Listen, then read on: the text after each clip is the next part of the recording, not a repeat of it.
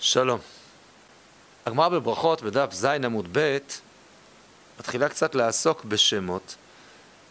היא עוסקת בתחילה בשמו של הקדוש ברוך הוא. אמר ביוחנן משום רבי שמעון בן יוחאי, מיום שברא הקדוש ברוך הוא את העולם, לא היה אדם שקראו לקדוש ברוך הוא אדון.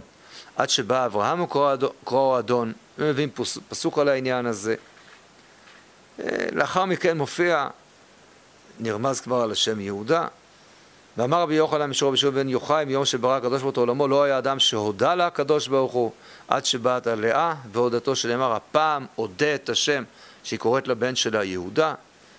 ואז הגמרא עוברת לדון מה זה ראובן. מה זה ראובן? השם ראובן.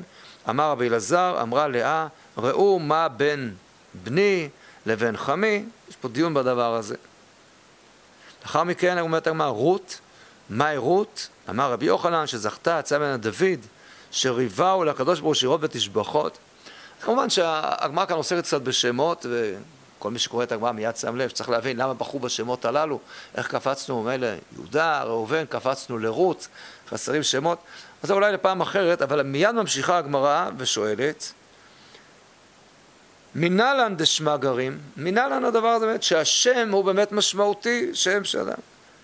אמר רבי אלעזר, אמר, אמר קרא פסוק בתהילים מ"ו, לכו חזו מפעלות השם, אשר שם שמות בארץ.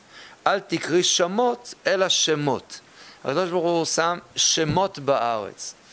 זו דרשה שנראית רחוקה, כמו בדרך כלל כשחז"ל דורשים סוג כזה של דרשה, אל תקרי כך אלא כך, מה זה אל תקרי? אז אולי גם את זה נבהר באחת הדוגמאות הבאות, אבל עצם העניין, מה הכוונה כאן אל תקרי שמות אלא שמות. מה שעומד כאן ביסוד הדבר, אולי דבר שככה נותן לנו כיוון. הקדוש ברוך הוא, הוא בעצם מתחיל בקריאת שמות. הקדוש ברוך הוא, ויקרא אלוקים לאור יום ולחושך קר הלילה, זאת אומרת, הקדוש ברוך הוא נתן לזה, נתן לזה שמות. ואולי מה שעומד כאן דבר מאוד מאוד מעניין, שיוביל אותנו להבנה של המשמעות הזאת של השם.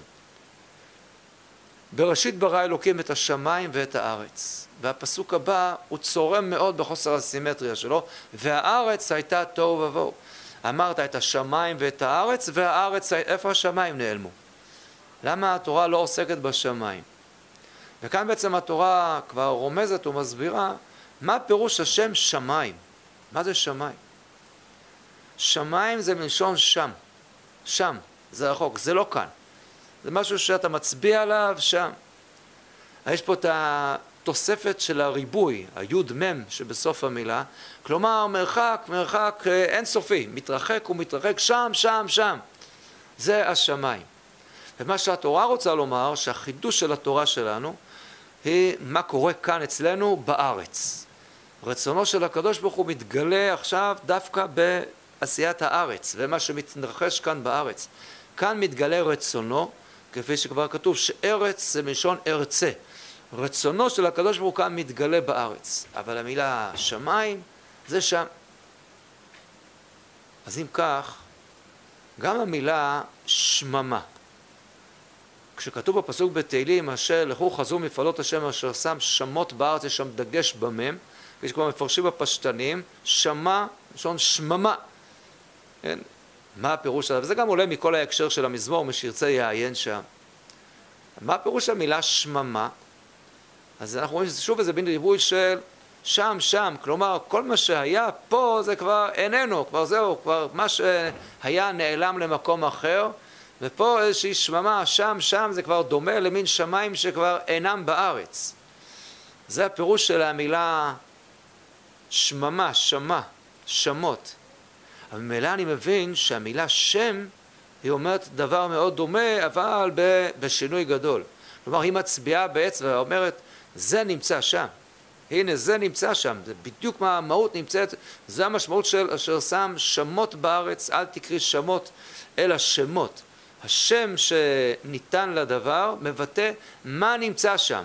אתה מצביע על בן אדם, אתה יכול לומר עליו, הוא 180 סנטימטר, צבע שיער כזה, משקל כך וכך, וכך וכך וכך, ואתה יכול לומר יוסי.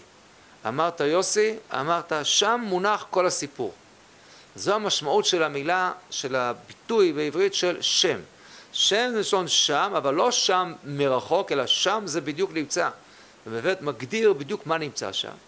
וכן בעקבות הדבר הזה, אנחנו באמת כשאנחנו מוצאים איזשהו שם, בוודאי שם שמופיע בתנ"ך, אנחנו מתעניינים מאוד למצוא השם הזה, מה הוא מגלה שנמצא שם.